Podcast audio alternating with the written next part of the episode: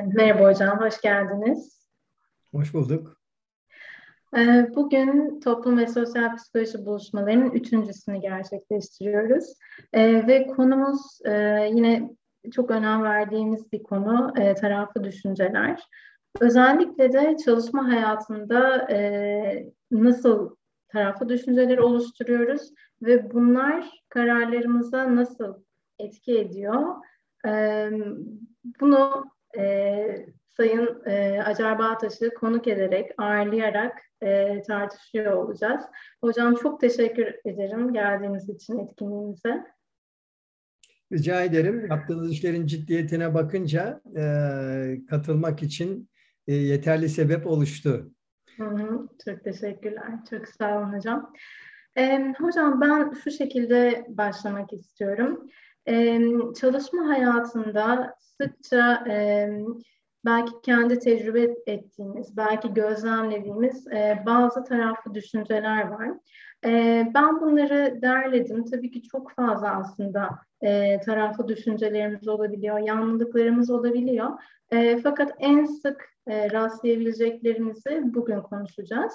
E, ben e, örnekler vererek kısa kısa tanım yaparak e, ilerleyeceğim ve size de bazı sorularım olacak.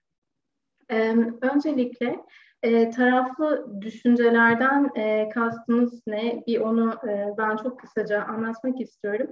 Aslında e, zihnimizin e, biz farkında olmadan oluşturduğu yanlılıklardan bahsediyoruz. E, ve bugün de bunları konuşacağız. E, ve ben ilk olarak e, odaklanma illüzyonundan başlamak istiyorum hocam.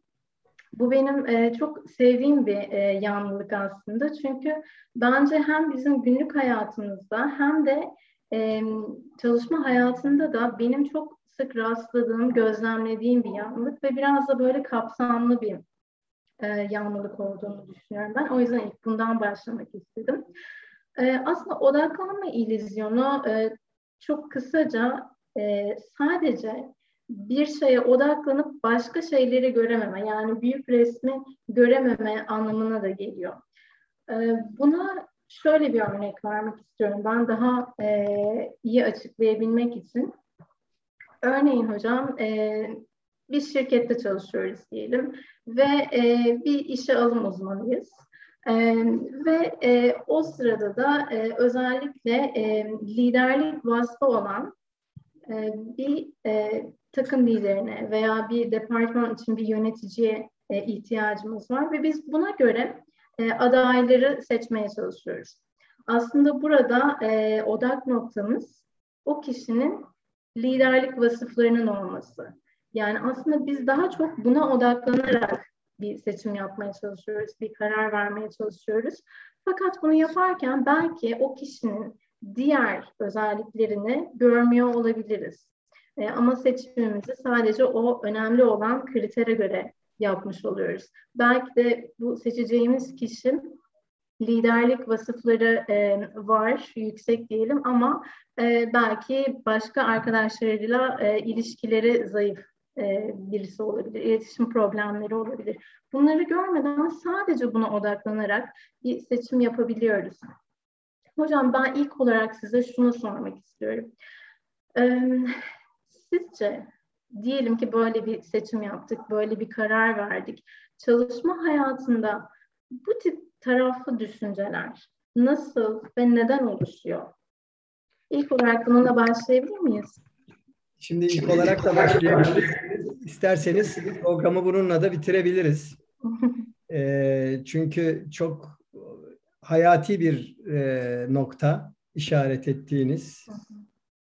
Şöyle e, bir üçgen düşünün. Bu üçgenin bir tarafında e, kişilerin kendini göstermesi var, ortaya koyması var. Hı hı. Bir tarafında etkililikleri var. Hı hı. Bir tarafında da işle ilgili temel e, sahip olması gereken özellikler var. Hı hı. Yerli yerine oturdu mu? Üçgenin bir ayağı e, kendini göstermek, kendini ortaya koyma. E, sizin izleyicilerinizin büyük bir bölümünün e, akademik bir bağlantısı olabileceğini ve İngilizceye hakim olduğunu düşünerek söylüyorum. Yani eğer ararlarsa bu kavramlar altında arasınlar diye. E, aksi takdirde Türkçe karşılığı olan bir şeyin İngilizcesini konuşmayı yakışıksız buluyorum. Burada kastettiğimiz şey emergence. Kendini ortaya koyma. Öbür tarafta etkililikleri var. Altta da e, yani effectiveness var bu tarafta. Altta da sahip olunması gereken temel özellikler var. Bilin bakalım kim seçiliyor? Tabii ki kendini ortaya koyanlar seçiliyor. Kendini ortaya koyanlar seçiliyor. Yani insanların yani bu işte sizin söylediğiniz yanlılık sahip olması gereken, olunması gereken temel özellikler ve e, etkililik değil. Kendini ortaya koyanlar, kendini ortaya atanlar, e, projelere talip olanlar. Yani nasıl biterse bitsin. Ama yani hareket halinde görülenler. Bu bir başka sorun doğuruyor. O sorun da ne? Bunlar çoğunlukla erkekler. Yani çünkü erkekler belirli bir açık pozisyon olduğu zaman o pozisyonun özelliklerinin yüzde ellisini karşılıyorlarsa o pozisyonun kendi hakları olduğuna inanıyorlar. Kadınlar bu konuda çok daha e, kendilerini gerçekçi değerlendiriyorlar demeyeceğim. Genellikle kendilerine olduklarından daha da aşağıda değerlendiriyorlar. Dolayısıyla kadınların bir pozisyona talip olması için yüzde doksanını karşılamaları gerekiyor. Yani o zaman hani ben olabilirim ve sonra da sorulduğu zaman buraya nasıl geldin diye iki cevap geliyor. Erkeklerden gelen hakkımla geldim. Benim hakkımdı zaten. Kadınlardan gelen cevap ise çoğunlukla yani şans da yardım etti, şans e, falan deniyor. Onun için e, bir kere bu e, önemli bir faktör. Hı hı. E, sonra bir başka nokta daha var. Yani odaklanma ile ilgili olarak üst düzey pozisyonlar için yani bir kere bu söylediklerimin hepsi araştırma sonucu ve istatistiklere dayalı olarak konuşuyorum. Yani bütün erkekler ve bütün kadınlar bunları temsil etmez ama tabii ki erkeklerin çoğunluğu bu grupta. Bir başka önemli yanılgı şuradan kaynaklanıyor. Üst düzeyde bir yönetici aranırken mesela bir genel müdür düzeyinde genellikle üç özelliğe bakılıyor. Deneyim, e, zeka ve ilişkiler. Yani yönetim becerileri. Yönetim becerileri dediğimiz ilişki yönetme biçimi. Büyük çoğunlukla büyük çoğunlukla deneyim ve zeka öne geçiyor. Seçimlerde.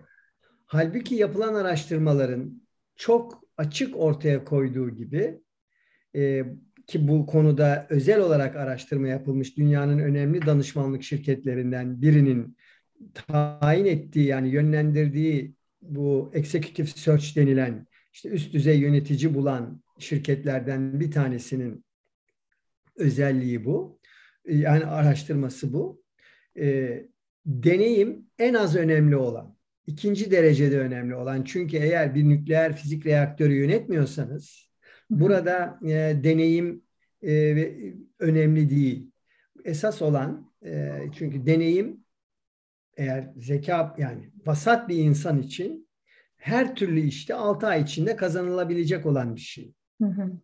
Yani, tabii ki mühendislik gibi bir işi kastetmiyorum. Ama mühendisler için de geçerli olan bir şey söylüyorum. Önem, e, üst düzey yöneticilerin başarılarını belirleyen bir genel yetenekleri diyebileceğimiz e, hızlı öğrenme, hızlı kavrama, analitik e, düşünebilme Diğeri de ilişkileri iyi yönetme. Deneyim bundan sonra geliyor. Halbuki işi iş yani bu, bir üst düzey yönetici için bakılan ilk şey yani bu işte deneyimi var mı? Ama basit bir örnek Ford'u krizden çıkartan kişi hayatında otomobille alakası olmamış olan Alain Muleli e, Boeing'in CEO'suydu. E, yani e, dört tekerlekli bir şeyi yönetmemiş bir insandı. Ama Ford'u devlet yardımı almadan 2008 krizinde Amerika'dan çıkartan kişi Muleli'ydi.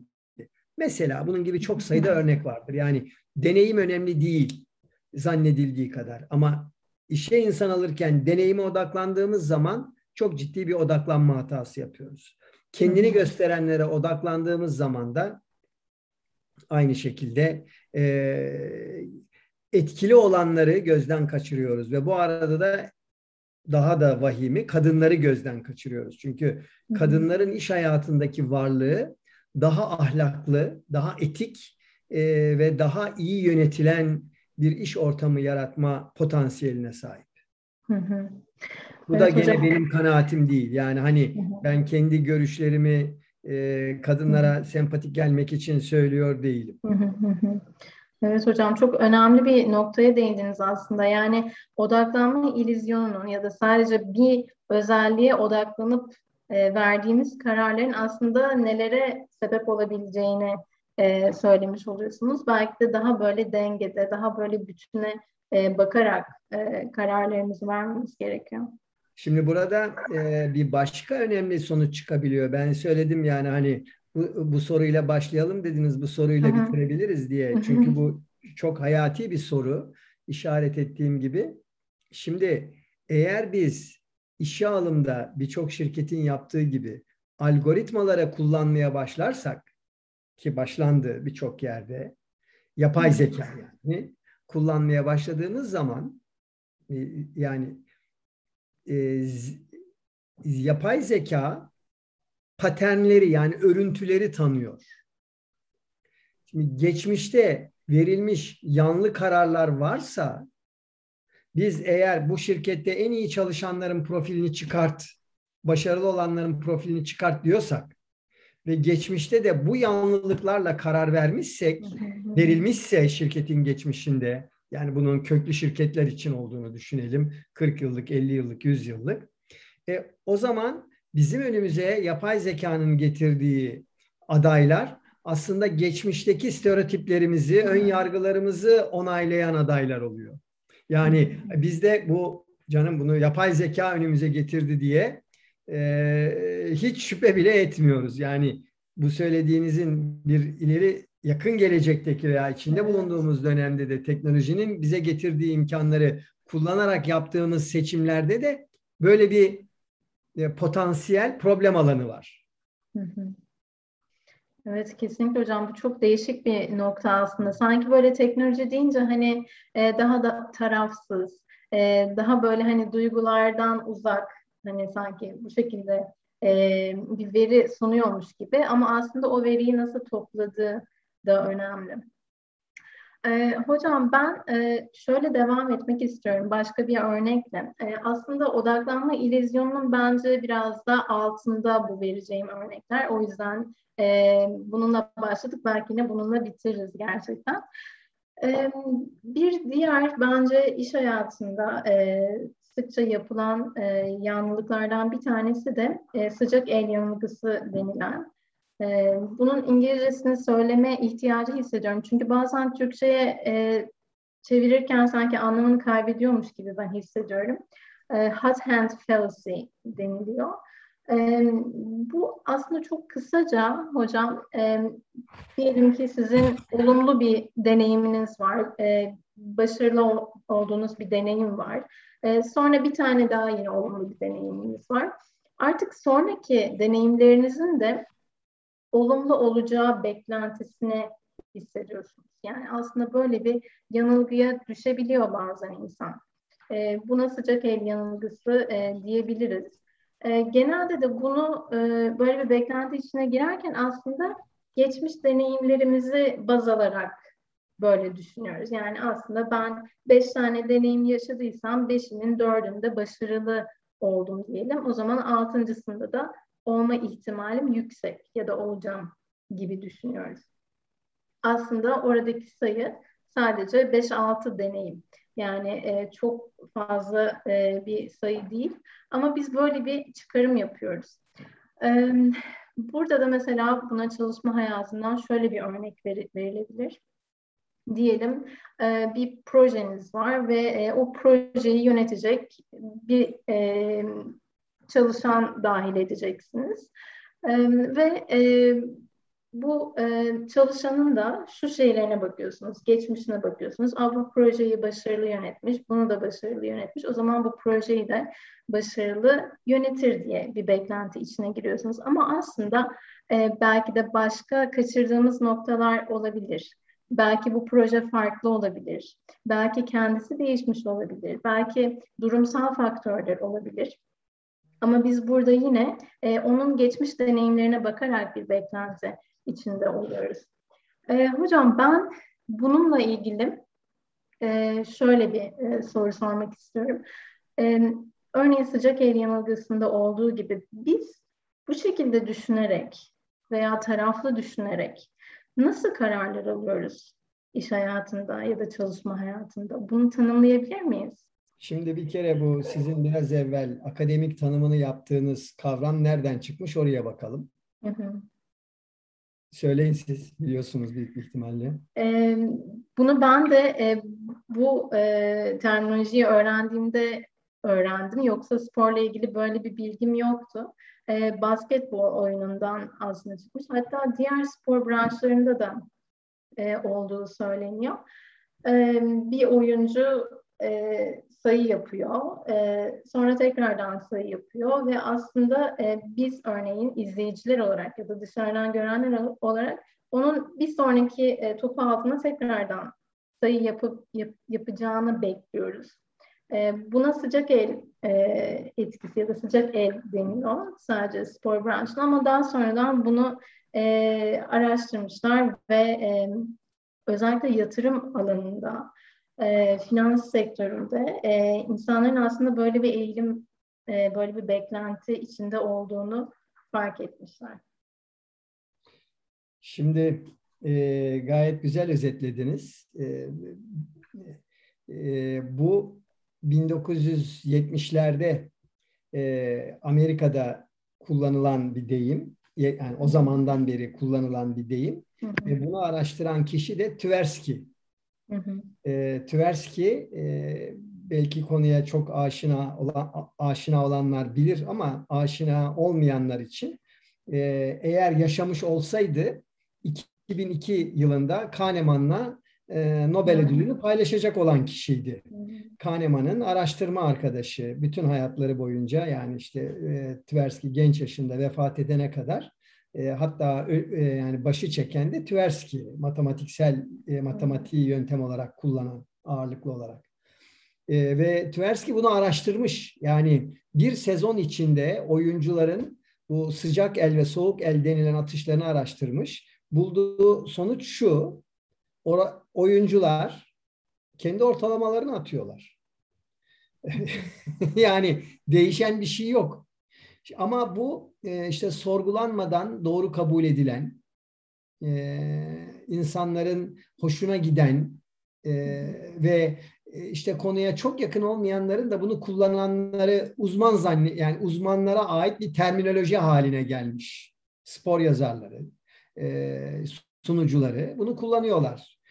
Türkiye'de de yani bütün basketbol yorumcuları bu sıcak el deyimini kullanır. Ki yani tabii ben kitabımda yazdım diye vazgeçecek değiller. Ama bunlar e, çok yazılan yani bilinen şeyler. Aynı şekilde böyle gene bu konuyla ilgili değil ama doğru doğruluğu sorgulanmadan kabul edilen, hoşa giden bir metafor vardır. Yani kurbağayı 55 derece suya koyarsanız haşlanır, ölür. Ama yavaş yavaş ısıtırsanız o sıcaklığa alışır ve yaşar. Bu bilimsel olarak doğru değil ama kulağa hoş geliyor. Ee, yani e, yavaş da e, içine doğrudan da atsanız, yavaş yavaş da ısıtsanız 50 derecede kurbağanın hücreleri e, çözülüyor ve ölüyor. Şimdi bu da mesela hiç sorgulanmadan kabul edilen bir şeydir. Bunun gibi çok şey var. Yani astrolojiyi söylemiyorum bile. Bilimsel geçerliliği sıfır olan bir şey. Bugün toplumda kanaat önderlerinin e, ağzında burcun nedir, şudur budur her neyse. Şimdi e, dolayısıyla e, finans piyasalarını insanın beyniyle yenmeye çalışmasından daha budalaca bir şey yoktur. Aptalca deyimini kullanmayalım çünkü zeka ile karışıyor. E, çünkü budalalık e, zekadan farklı bir şey, entelektüellikten farklı bir şey. E, aynı şekilde yani mesela kötülük ve budalalık farklı bir şey. İnsanlar fevkalade zeki, entelektüel olabilir ama budala olabilirler. Hı hı. E, bu aşı e, tereddüdünde, karşıtlığında gördüğümüz durumda bundan daha farklı değildir. Ve yalnız ortaya çıkmaz, topluluk içinde ortaya çıkar. Şimdi bu da sosyal medya aracılığıyla bu yalnızlık gideriliyor. Ayrı konu. Şimdi gelelim sizin bu e, iş hayatında. Yani dopamin salgısı işte kumarbaz yanılgısıdır. Hı hı. E, kumarbaz yanılgısı bir olayın olma ihtimalini yakın geçmişte gerçekleşmiş olanlara göre değerlendirmektir. Hı hı. Yakın geçmişte gerçekleşmiş olanlara göre değerlendirmektir. Şimdi burada bütün bu konuştuklarımız aslında e, birinci sistem ve ikinci sistemle ilgili konular. Yani e, izleyicilerimizin bu kavramlara aşina olmasını diliyorum. E, refleksif ve refleks, reflektif beyinle ilgili veya hisseden beyinle, düşünen beyinle ilgili nasıl isimlendirirsek isimlendirelim. Kastettiğimiz şey hayatımızın önemli bir bölümünü otomatik pilotla yaşadığımız için hı hı. sezgilerimizle, geçmiş tecrübelerimizle karar verdiğimiz için ki yapay zekanın yaptığını yapıyoruz. Örüntü tanıyoruz, patern tanıyoruz geçmişe dönük.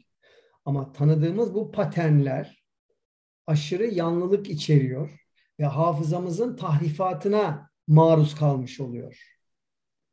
Ve dolayısıyla biz onların içinden işimize gelenleri seçiyoruz. Yani orada seçimde de yanlı, yanlıyız. Basit bir örnek. İşe insan seçerken gene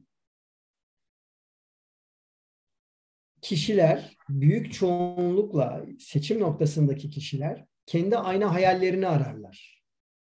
Hı hı. Kendilerine benzeyen kişiyi ararlar. Fark etmeden. Ve üst noktada olanların büyük çoğunluğu, karar noktasında olanların büyük çoğunluğu bir önceki e, bölümde konuştuklarımızı hatırlayın. Kendini ortaya koyanlardan seçildiği için hı hı. bunlar daha dışa dönük olan insanlardır. Yani içe dışa içe dönüklük, dışa dönüklük spektrumunda dışa dönük tarafta olanlardır. Ve dolayısıyla daha içe dönük, daha sakin olan insanları enerjisiz, zayıf, düşük, pısırık olarak görürler. Çekingen olarak görürler. Dışa dönük olanları ise tuttuğunu kopartan, ateş gibi, yerinde duramayan falan gibi görürler. Şimdi dışa dönük olmakla etkili olmak arasında bir ilişki yoktur. Hatta bazen ters ilişki vardır. Ne anlamda? Bu dışa dönük olanlar çok konuşur, çok söyler, eylem içinde olmayı iş yapmak zanneder, gevezedirler, başkalarını da işgal ederler. Ama kişi buradaki yaptığı hataları hatırlamaz, seçtiği bir iki tane benzeri olumlu örnek varsa onları aramaya devam eder ve ben adamı gözünden tanırım, oturuşundan belli olur gibi birinci sisteme ait, refleksif sisteme ait, duygusal beynin faaliyetine ait veya otomatik pilota ait. Nasıl tanımlarsak tanımlayalım. Dört tanımda aynı şeyi söylüyor. Şekilde karar verirler. Peki çaresi nedir derseniz aslında bütün bunların bütün bunların çaresi yapay zekanın yapmasını beklediğimiz şeyi yapmaktır. Yani veriye başvurmaktır. Ve bu çok kolay değildir. İki sebeple kolay değildir. Verilere ulaşmak her zaman çok kolay olmayabilir. İkincisi insanların veri kullanma antrenmanı alışkanlığı olmayabilir. Yani e, bugün Türkiye en çok yatırımını yaptığı alanda en düşük getiriyi alıyor. Nedir? Futbol. Yani sizi ne kadar ilgilendiriyor bilmiyorum. Sporla ilgili değilim dediniz. Biraz o yönde işaret verdiniz ama toplumun enerjisi Hı hı. Kaynakları, e, kulüplerin kaynaklarının gittiği tarafa göre elde edilen sonuç neredeyse eksidir. Düşüktür demeyeceğim, eksidir. Bunun çok temel bir sebebi vardır. Bu sadece futbol için değil. Sporun neredeyse bir iki alan hariç bütün branşları için. Sebep ne? Çünkü o işi yönetenler bilime düşmandır. Düşman olmak için değil, anlamadıkları için kaçarlar. Düşmanlık bölümü şurada başlıyor. Bu yönde kendilerine uzatılan elleri veya sunulan fırsatları kabul reddederler. Kullanmazlar. Kullanacak da olsalar akılları ermez, yararlanmazlar. Dolayısıyla e, buradaki yani sizin söylediğiniz sıcak el aslında sadece e, bir proje yöneticisi ile sınırlanamayacak kadar son derece önemli bir kavramdır. Çünkü insanlar dediğim gibi bir olayın olma ihtimalini yakın geçmişte gerçekleşmiş olanlara göre değerlendirirler. Ve maalesef ve maalesef her gün ekonomi ekranlarında gördüğünüz grafikler de bunun en güzel örneğidir. Hiçbir anlamı yoktur. Hı hı. Hı hı. Evet hocam çok e, ilginç şeyler aslında çok ilginç bir konuya değindiniz. Buraya hocam tekrar ben gelmek istiyorum. Fakat şöyle devam etmek istiyorum başka bir örnekle. Yine bence hem çalışma ortamında hem yine günlük hayatımızda yaptığımız yanlılıklardan bir tanesi de aslında bizim adil dünya inancımızla ilgili olabilir. Adil dünya inancını da yine ben çok kısaca e, tanımlamak istiyorum. E, eminim e, izleyicilerimiz de e, kendinden kendinden bir şeyler bulacaktır bunu tanımlayınca.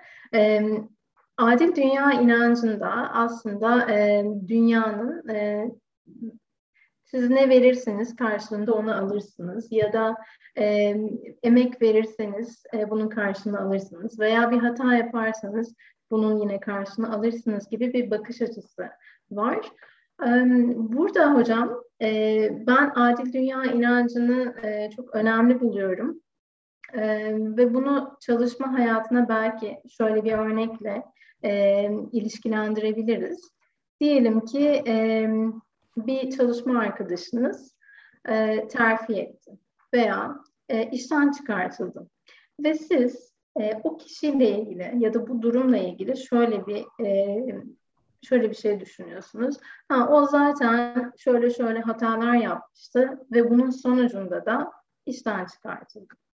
Yani burada e, bir şeyin karşılığını aldı veya terfi etti. Evet zaten o e, çok iyi performansı vardı, işte başarılıydı vesaire ve bunun karşılığını aldı gibi düşünebiliyoruz. Oysa ki e, bizim e, belki de bilmediğimiz başka şeyler olabilir. Belki bu kadar hani e, net bir denklem olmayabilir. E, ve e, biz bu düşünceye göre adımlar atıyor olabiliriz. Veya şöyle düşünüyor olabiliriz. Ha, ben bu hataları yapmadım. O zaman ben e, işten çıkartılmayacağım mesela. Veya ben bu bu bu performansları sergiledim o zaman ben e, terfi etmeyi bekleyebilirim gibi e, düşünebiliyor insan. E, adil dünya inancının da aslında e, biraz daha rasyonel düşünmeyle ilgisi var. Biraz daha aslında insanın e, kendini rahatlatmak için de böyle düşünüldüğü e, araştırmalarda ortaya çıkmış. E, ben bu hatayı yapmadım, o yüzden ben böyle bir sonuçla karşılaşmayacağım gibi. Ee, yani şansı, kaderi e, veya insanın elinde olmayan bazı şeyleri göz ardı ederek düşünme şekli diye de özetleyebiliriz belki. Ee, hocam burada benim aslında sormak istediğim şey e, biraz da çalışma kültürüyle ilgili. Yani bizim sizce e, çalıştığımız kurumun kültürü e, bununla taraflı düşüncelerimizin bir ilişkisi olabilir mi sizce? Ve e, ya da bu soruyu şöyle sorabilirim. Nasıl bir çalışma kültüründe daha az taraflı düşünce, daha az yanlılık üretebiliriz? Şimdi çalışma kültüründen önce e, şunu söyleyeyim. Adil bir dünya inancı insanın en temel ihtiyacını e, karşılama isteğinden kaynaklanıyor. Hı hı. İnsanın en temel yani insanın değil primatların maymunlar dahil hı en temel isteği adalet. Hı hı. Yapılan işte herkesin e, muhakkak ki WhatsApp gruplarına gelmiştir, dolaşmıştır bu mesajlar. E, nedir? Maymunlardan birine üzüm veriliyor, öbürüne daha işte havuç e, yani birine şeker gibi besleyici e, beyinde e, hazza dönük maddelerin salgılanmasına imkan veren diğerlerine besleyici bir şeyler veriyor. Maymun e, salatalık veriyorlar galiba. Maymun ikinci, üçüncüsünden sonra kendisine verilen salatalığı bakıcının üstüne atmaya başlıyor yan tarafa üzüm verildiğini gördüğü için. Yani demek ki adil dünya inancı aslında e, insanın çok temel bir ihtiyacını karşılıyor. Adalet ihtiyacını karşılıyor. Zaten inanç sistemlerinin beslediği de budur. Bugün e, mesela bazı kişiler çıkıyorlar diyorlar ki fakirlik Allah'ın takdiridir.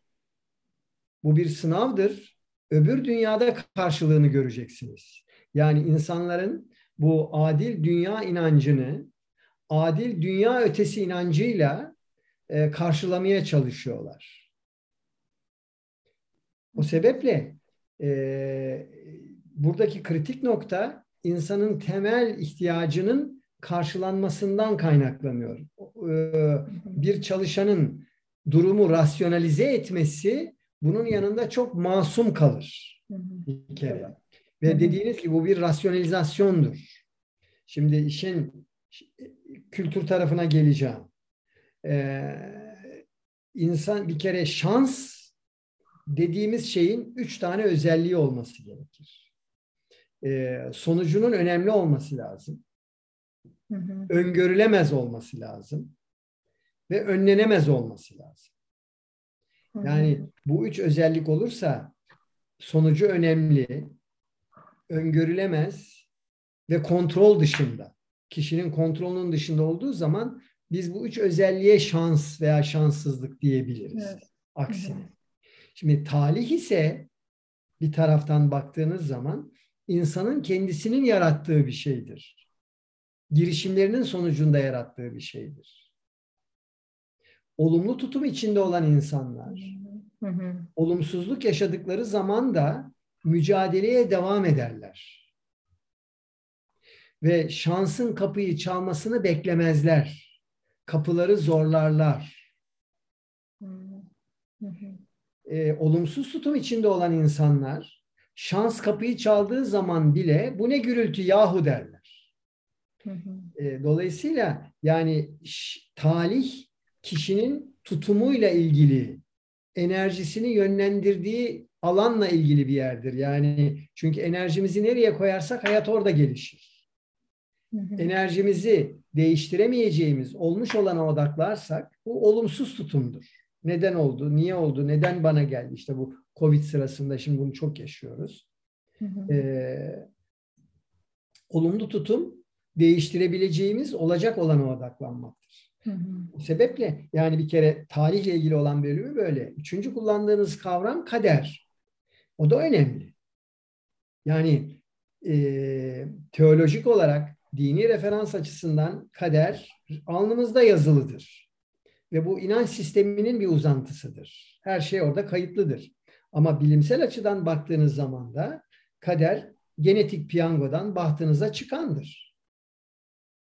Dolayısıyla siz onunla o size bir takım bir potansiyel vermiştir. Sınırlılıklarınız vardır. istediğiniz her şeyi yapamazsınız. Çok uğraşsanız da ancak vasat olursunuz. Onun için yani istersen yaparsın insanın aşamayacağı en büyük engel yoktur falan. Bunlar dinlerken insana hoş gelir ama bunun aslı astarı yok. Zaten herkes kendi hayatından biliyor bunun aslında astarının olmadığını. Dolayısıyla sizin o kaderiniz, size genetik piyangodan bahtınıza çıkan ki kişiliğinizin önemli bir bölümüdür bu.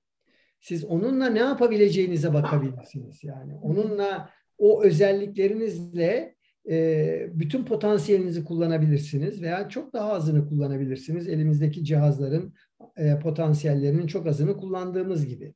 Şimdi çalışma kültürüyle ilişkisine çalışma kültürü ne kadar şeffafsa hmm. çalışma kültüründe yöneticiler ne kadar görünürse çalışma kültüründe e, çalışanların sesi ne kadar çok dinleniyor, duyuluyor ve buna karşılık veriyor, veriliyorsa o zaman herkes ne olacağını daha iyi bilir. Hiç sorun olmaz mı? Muhakkak olur. Çünkü insanın adalet terazisi subjektiftir. Hep kendine yontar. Verdiği fazla aldığı azdır. Arkadaşına baktığı zaman da kendine göre verdiği az ama aldığı fazladır. Neyse o yani. Daha az bile alıyorsa o bile fazla aslında. Ben daha yani dolayısıyla insanların adalet terazisini e, e, herkes için mutlak olarak e, dengede tutmak mümkün değildir. Ama buradaki dengesizlikleri azaltmak için üç tane koşul söyledim. Bir, e, bir kere e, açıklık olması, şeffaflık olması. iki yöneticilerin görünür olması. Üçüncüsü de e, çalışanın sesini duymak ve buna karşılık vermek. Şimdi bu üç özellik e, daha adil, daha kabul edilebilir e, ve daha güvene dayalı bir iş ortamı yaratır. Hı hı. Söylemesi kolay hayata geçirmesi kolay değil. Bir de çünkü alışkanlıklar var. Eski alışkanlıklar var. Şimdi geçmişten yani bu e, tarih kadar eski değil ama tarih kadar eski olanların da mirasını taşıyoruz kültürel olarak. Türk kültürü e, güç aralığı yüksek bir kültür. Power distance yüksek. E, güç aralığı demek ne demek? Aşağıdakilerin yukarıdakilerin ayrıcalıklarını doğal kabul etmeleri demek. Yani tabii ki e, e, patronun asansörü ayrıdır.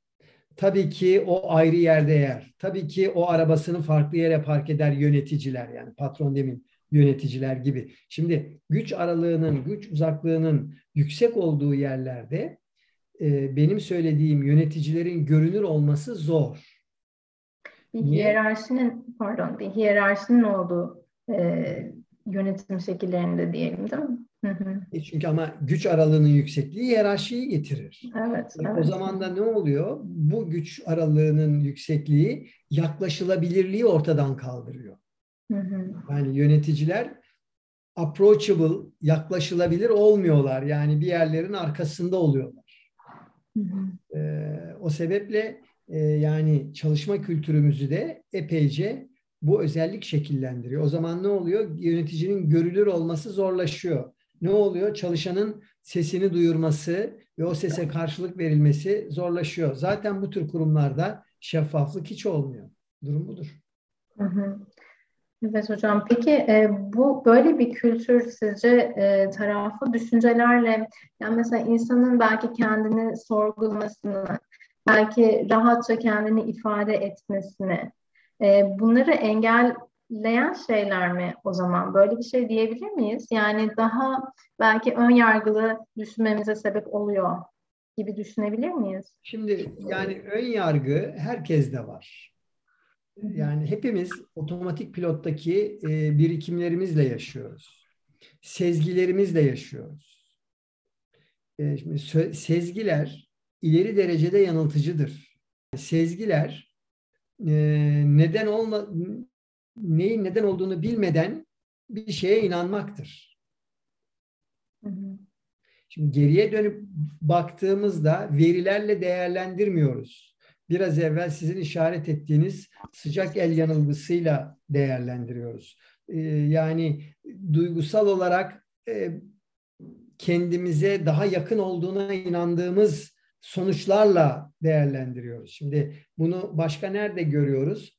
Yani mesela insan kaynaklarının klasik yaklaşımı ne? İşte insanların güçlü yönleri vardır, zayıf yönleri vardır. Zayıf yönlerini geliştirerek bir yere gider veya, veya güçlü yönlerine odaklanırsa daha başarılı olur falan. Şimdi bütün bunlar bir yana. Ee, eğer insanlara kişiliklerin yani bilimsel olarak kişilik tanımının temel bilgileri verilse 5-6 tane bizim temel kişilik özelliğimiz.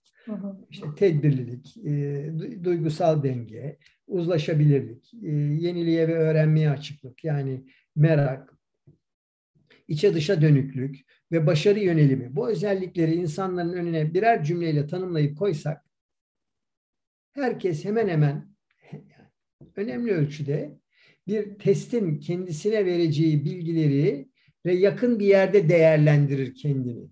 Yakın bir yerde değerlendirir. İstisnalar hariç. Şimdi insanlar ve böylece hangi alanlarda güçlü olabileceklerini bilirler. Hangi alanlarda da zaafları olduğunu bilirler. Ama insanların başı zaafları yüzünden derde girmez. İnsanların başı güçlü olduğuna inandıkları yerden derde girer. Ee, ve e, sorsanız e, sen böyle olduğun için başarılı olduğun oldu mu? Evet. Peki başarısız olduğun oldu mu? Hayır. Yani hatırlamıyorum. Olsa da önemsiz der. Hatırlatsanız da o başkasının yüzünden oldu der. Dolayısıyla doğru olmayan zamanda, doğru olmayan yerde, doğru olmayan dozda güçlü özelliklerimizi kullanırsak fayda yerine zarar çıkar ortaya. Ve insan bunu kendi üzerine almaz, dışına atar. Şimdi bu e, dediğim gibi e, adil dünya inancıyla değil ama çalışma kültürünü oluşturma tarafıyla birleşiyor. Çünkü işte insan hep doğal olarak rasyonalize ediyor. Kendini haklı çıkartıyor. Kendini haklı çıkarttığı zaman da ders alması gerektiği yerlerde ders alamıyor. Aynı hatayı tekrarlayabiliyor. Hı hı. E, hocam burada aslında çok e, güzel bir konuya parmak bastınız. Ben de buradan devam etmek istiyorum. E, hani daha böyle kendi olumlu yanlarımızı görmekle ilgili. Bununla ilişkili olan bir yine yanlılığımız olan aşırı güven yanlılığı. bu aslında bu bende yoktur diyebileceğimiz bir bence kavram ama hepimizde bence az az bundan var. aşırı güven yanlılığında ee, sizin de az önce bahsettiğiniz gibi yani e, verdiğimiz kararların ya da e, düşüncelerimizin doğruluğunu bir böyle abartma e, durumu yani aşırı e, olarak onlara güvenme durumu olarak tanımlayabiliriz bunu. E, öyle ki e, başkalarına belki fikir danışmaya gerek duymadan karar vermek veya fikir danışsak bile çok da fazla önemsememek. E, işte daha e, böyle geleceği e, ön görme e, yeteneğimizin olduğuna inanmak, işte daha belki kontrolcü olduğumuzdan, daha iyimser olduğumuzdan dolayı böyle yanlılıklar yapabiliyoruz. Aşırı güven yanlılığı gibi. Ee, burada hocam yine çalışma hayatında bence çok e, sık yapılan bir şey. Hele ki e, özellikle e, belli bir pozisyona gelmişseniz, e, işte birçok diyelim ki eğitim aldınız. Artık e, bir konuda diyelim ki gerçekten çok e, e, yüksek düzeyde bir uzman oldunuz. E, özellikle böyle bir e, pozisyonda aşırı güven yanlılığı belki biraz daha fazla oluşuyor olabilir. Ben hocam burada şunu sormak istiyorum. Biz bunun nasıl farkına varabiliriz? Aşırı güven yanlılığı veya diğer yanlılıklarımız, diğer taraflı düşüncelerimiz, e, taraflı düşüncelerimizde olan tutumumuzu değiştirmek için e, nasıl e, nasıl e, alıştırmalar diyeyim, nasıl pratikler yapabiliriz? Şimdi e, sorunuzun e, yani aşırı güven yanlılığına değineceğim. Doğrudan doğruya onunla ilgili söyleyeceğim epeyce şey var ama e, son bölümü demin cevaplandırdım. Verilere bakarak. Evet. Bir, verilere bakarak. İkinci bir şey daha. E, güvendiğimiz, bizimle rekabet içinde olmayan bir arkadaşımızdan geri bildirim alarak. Hı hı. E, bu ikisi e, ve onun verdiği gerime de geri bildirime de hayır ama o senin bildiğin gibi değil diye itiraz etmeyerek yani açıklama yapmayarak söylediğinin neresi doğru diye düşünerek yani söylediğinin neresi doğru diye düşünerek. Şimdi kendine güven para kaybetmenin en kestirme yoludur. Şimdi kişi kendi parasını kaybederse e, bunun zararı yok. Ama problem bu e, yatırımcıların başkalarının paralarını kaybetmeleridir. Onun için güven yatırımcının başını derde sokan bir e, tutum olduğu gibi güven, kendine güven ve bunun sonucu elde edilmiş olan başarı aslında insanların en büyük lanetidir. Başarılı insanların en büyük laneti geçmiş başarılarıdır. Yaptım oldu, yaparsam gene olur zannederler. Dolayısıyla bu e, çok e, kritik bir nokta. Bir başka nokta daha var. E, güvenle beraber gelen iyimserlik. Zaten Amerikan psikolojisinin bunlar dünyaya yaydığı mitlerdir, efsanelerdir. Amerika sahip olduğu finansal imkanlarla ve bunun sonucunda e, bu alanda çalışan çok değerli bilim insanlarıyla kendi toplumu için uygun ve geçerli olan yani yaptığı araştırmalarla sonunda kendi toplumuna da yarar sağlayacak e, kendi toplumuna da yarar sağlayacak mesajları çıkartır. Ve bunu dünyaya evrensel gerçekler olarak sunar. Bu da birçok yani Türkiye'nin de dahil olduğu dünyanın birçok yerinde fazla yalamadan yutulur. Çiğnemeden yutulur. Sorgulanmaz yani. Şimdi bunlardan iki tanesi işte bir tanesi bu şu anda konuşmakta olduğumuz kendine güven, özgüven vesaire efsanesidir. Dünyada en yüksek yani kendine en çok güvenen insanlar manyaklar, psikopatlar ve narsistlerdir.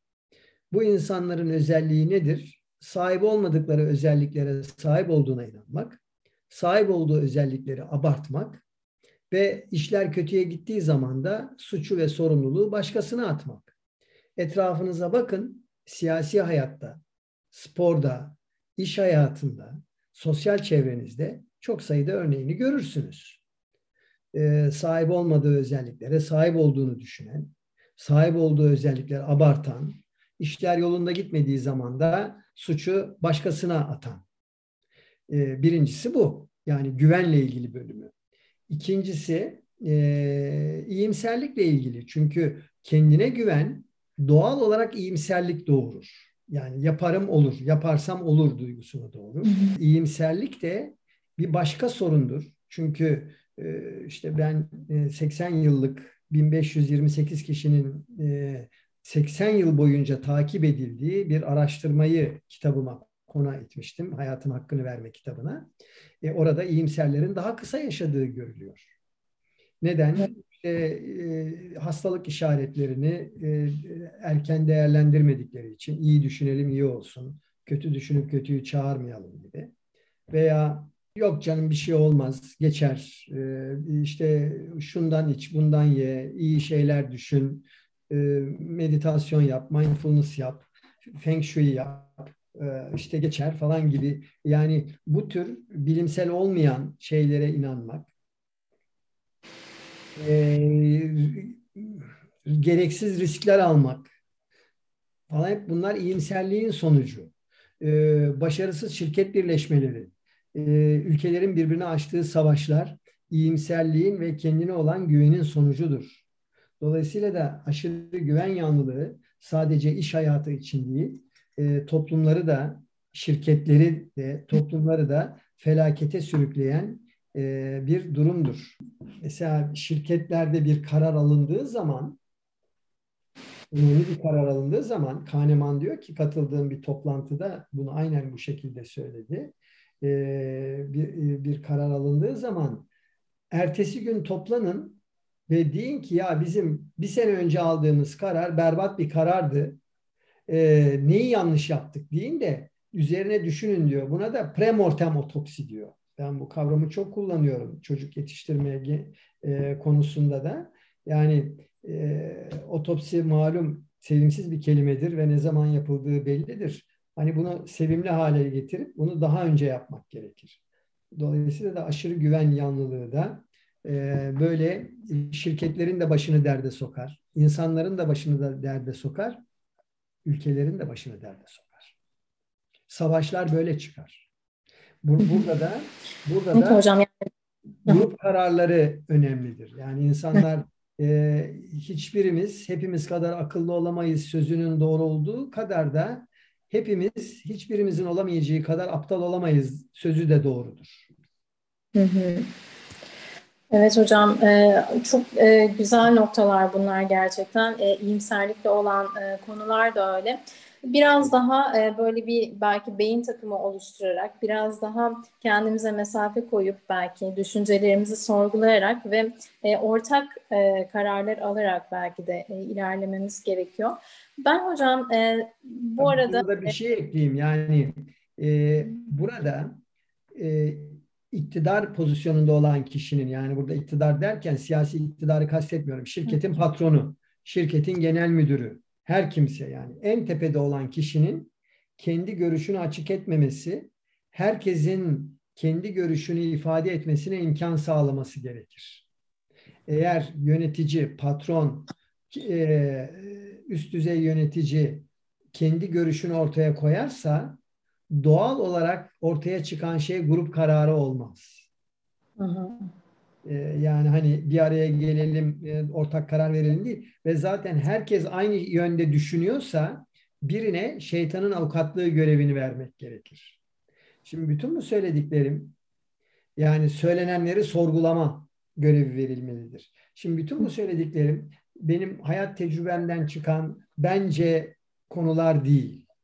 Bence diye söylediklerimin de çok fazla önemi yok e, bütün söylediklerimin ezici çoğunluğu benim okuduğum ve epeyce de yeni bilimsel araştırmaların sonucu. Öyle görmek lazım. Ha bunlar mutlak doğrular değildir. E, kabul ediyorum. Ancak bunlar karar verirken, yönetirken düşünülmesi gereken inceliklerdir. Kesinlikle. Hocam ben şöyle bir parantez açıp eğer izleyicilerimizin soruları olursa YouTube'da chat bölümünden yazabilirler. Ben hocam son olarak şu örneği verip size son sorumu sormak istiyorum.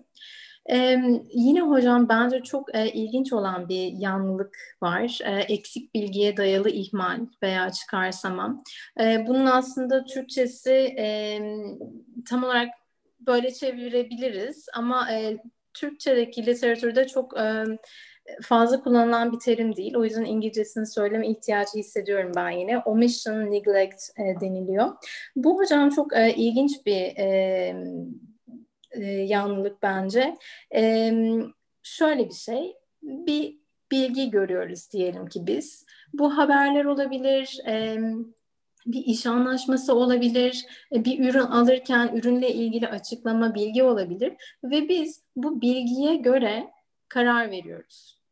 Aslında burada sanki bir yanlılık yokmuş gibi kulağa geliyor ama e, aslında burada biz o bilginin e, bütün resmin tamamını oluşturduğunu düşünüyoruz. Hatta e, çok detaylı, aa ne güzel, ha, her şeyi de anlatmış gibi belki de düşünerek biz buna göre karar veriyoruz. Oysa ki araştırmalar gösteriyor ki bir de bizim e, bilmediklerimiz var e, ve biz bu bilmediklerimizi e, veya eksik bildiklerimizi e, önemsememe eğilimi içindeyiz. Çünkü bir görünen var, bir de görünmeyen var. Görünen tabii ki daha fazla dikkatimizi çekiyor ve bize şunu sorgulatmıyor. Bir de görünmeyen e, ya da bilmediğimiz şeyler de olabilir sorusunu e, sordurmuyor aslında bize. Az önce o sizin bahsettiğiniz e, hani kısa yollar, işte hüristikler, e, sezgisel düşünme, e, biraz da bununla ilgili olan bir şey. Hemen sonuca varma isteği, hani sistematik olarak düşünmeyip,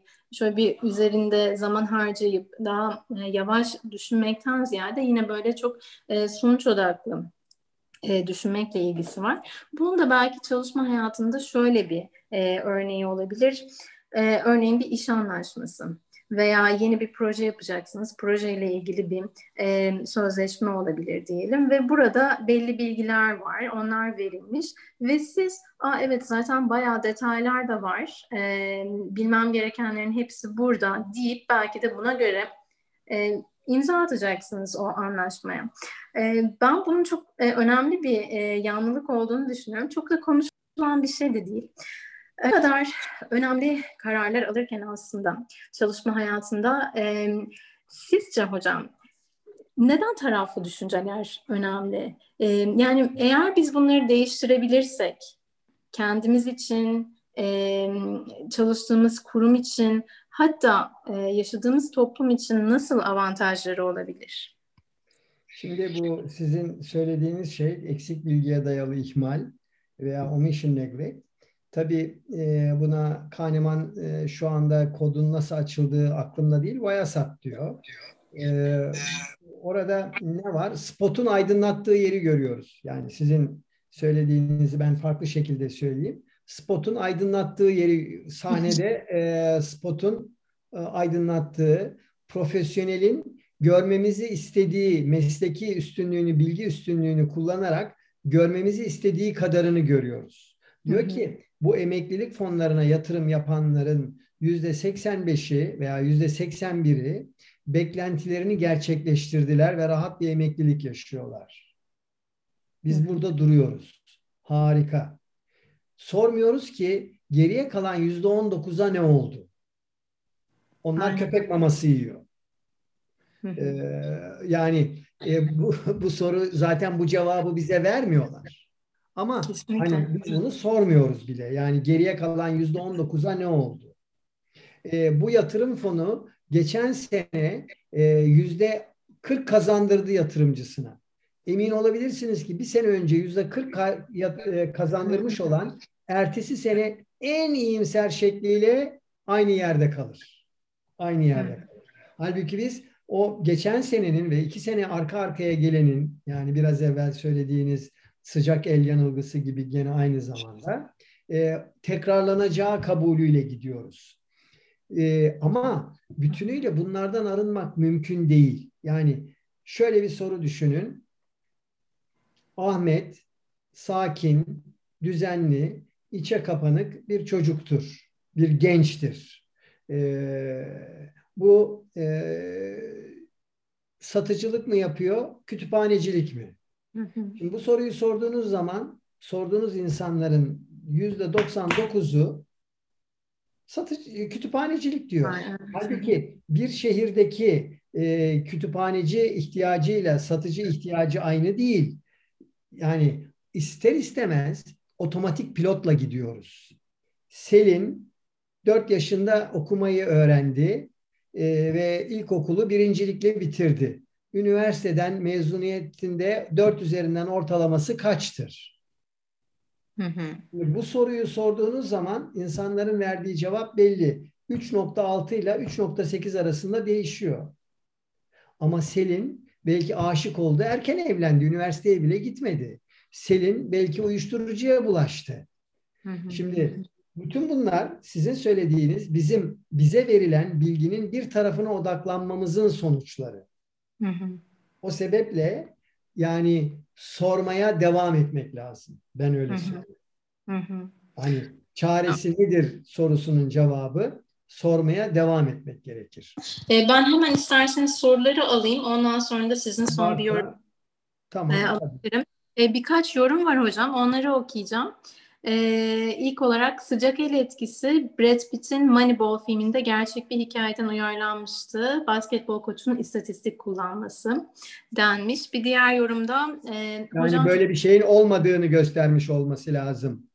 E, Olduğunu evet. değil, olmadığını göstermiş olması lazım. Evet, Çünkü muhtemelen. O, o film verinin önemini ortaya koyuyordu. Zaten çıkışı da 1970'lerde gene Amerikan Basketbol Ligi'nden çıkmıştır. Şu anda kitabımda var da yani şeyi bulamadım. Yılını ve takımları Boston Celtics takımlardan bir tanesi. Ee, yani merak ediyorlarsa e, akılsız duyguların cezasını kararlar çeker kitabında var. Hı hı, Araştırırlarsa tamam. literatürde de bulurlar zaten. Evet, aha, tamam. Ee, bir diğer yorumda hocam çok güzel ifade ettiniz. Sıcak el potansiyelin üstü performans için değil, teorik performansın bu şartlarda da zuhur etmesi için geçerli Doğru. denmiş hocam. Çok evet. değerli bir katkı. Teşekkür ediyorum. Evet e, ve son olarak hocam en kötü karar kararsızlıktan iyidir diyebilir miyiz? Diye bir e, ee, yani bu genel bir klişe e, olabilir de olmayabilir de. Nerede kararsız kaldığınıza veya nerede karar verdiğinize bağlı olarak değişebilir. Hı hı, evet. Hocam e, ben son yani olarak... Bir sosyopatla, bir sosyopatla evlenecekseniz sonunda e, kararsız kalıp evlenmemek daha iyidir mesela. e, duruma göre e, değişebilir belki bu sorunun cevabı. E, hocam ben son olarak şöyle bir e, yorum da yapmak istiyorum. Aslında verdiğim örnekler e, hepsinin ortak bir özelliği. Ben de bunu sonradan fark ettim. Özel olarak böyle seçmemişim ama böyle bir sanki kontrol ihtiyacı da var gibi geliyor değil mi? Bütün bunların hepsinde yani sıcak el yanılgısında da aşırı güven yanıldığında da e, yani belki çalışma hayatı bunu da birazcık tetiklediği için de insanlar bu şekilde düşünmeye e, daha meyilli oluyor olabilirler diye düşünüyorum. Şimdi kontrol ihtiyacı insanın hayattaki en temel ihtiyaçlarından bir tanesi. Yani güven de zaten yani güveni çok en temel ihtiyaç gibi koyarsak kontrolde onunla beraber geliyor. Nedir güven ve kontrol? Sürpriz ihtimalini azaltmak. Yani bizim hı hı. evrim içindeki gelişmemizde sürpriz hoş bir şey değil. Beklenen beklenmeyen şeylerle karşılaşmak istemiyoruz hep öngörebilmek istiyoruz. Onun için ister e, şirket bir işe başvuralım, ister evlilik kararı verelim, uzun süreli bir ilişkiye girmek için değerlerimizin uyumu çok uyumu çok önemli. Niye önemli? Çünkü değer uyumu sürpriz ihtimalini azaltıyor. Karşınızdaki insanın nasıl davranacağını bilebiliyorsunuz. Şimdi Çin'de insanların kredibilite notu var e, çiftlere sordukları zaman kadınlara erkeklere harika bir şey diyorlar. Karşımdaki insanı tanımak için e, çok uzun zaman geçirmeme gerek yok. Onun ne kadar güvenilir bir insan olduğu, uyumlu bir vatandaş olduğunu notuna bakarak anlayabiliyorum diyor. Mesela bu görüşe katılmayanlar olabilir. Bu görüş doğrudur demek istemiyorum. Yani kendimi yanlış ifade etmeyeyim. Ama çünkü yani oradaki politik uyum her zaman da çok matah bir şey olmayabilir. Hı hı, hı. E, ama yani sadece kavramı anlatabilmek için söyledim. Hı hı, evet, evet. Hı hı. Evet hocam. Ee, peki hocam, e, katkılarınız için çok teşekkür ediyorum. E, tecrübeleriniz, e, gözlemleriniz ve bilimsel değerlere, verilere dayanarak katkı sağladığınız için de ayrıca çok teşekkür ediyorum. E, umarım e, izleyicilerimiz de e, bir fayda mutlaka görmüşlerdir ve bu konuda da bir farkındalık kazandıklarına inanıyorum ben. Çok teşekkürler. Rica ederim. Ben de bir bir kere bizi izleyenlere teşekkür ediyorum. Zaman ayıranlara. E, yararlı olmuş olmasını diliyorum. Bu sürenin hakkını verdiğimizi umarım. İkincisi sizi çalışmalarınızdan ötürü tebrik ediyorum ve muhakkak ki daha önemli şeyler yapacaksınız, daha iyi şeyler yapacaksınız. Ee, ışık tutmaya, aydınlatmaya devam edeceksiniz. Anneniz babanız sizinle gurur duyabilir. çok teşekkürler hocam. Çok mutlu oldum. Teşekkür ederim. Bakalım.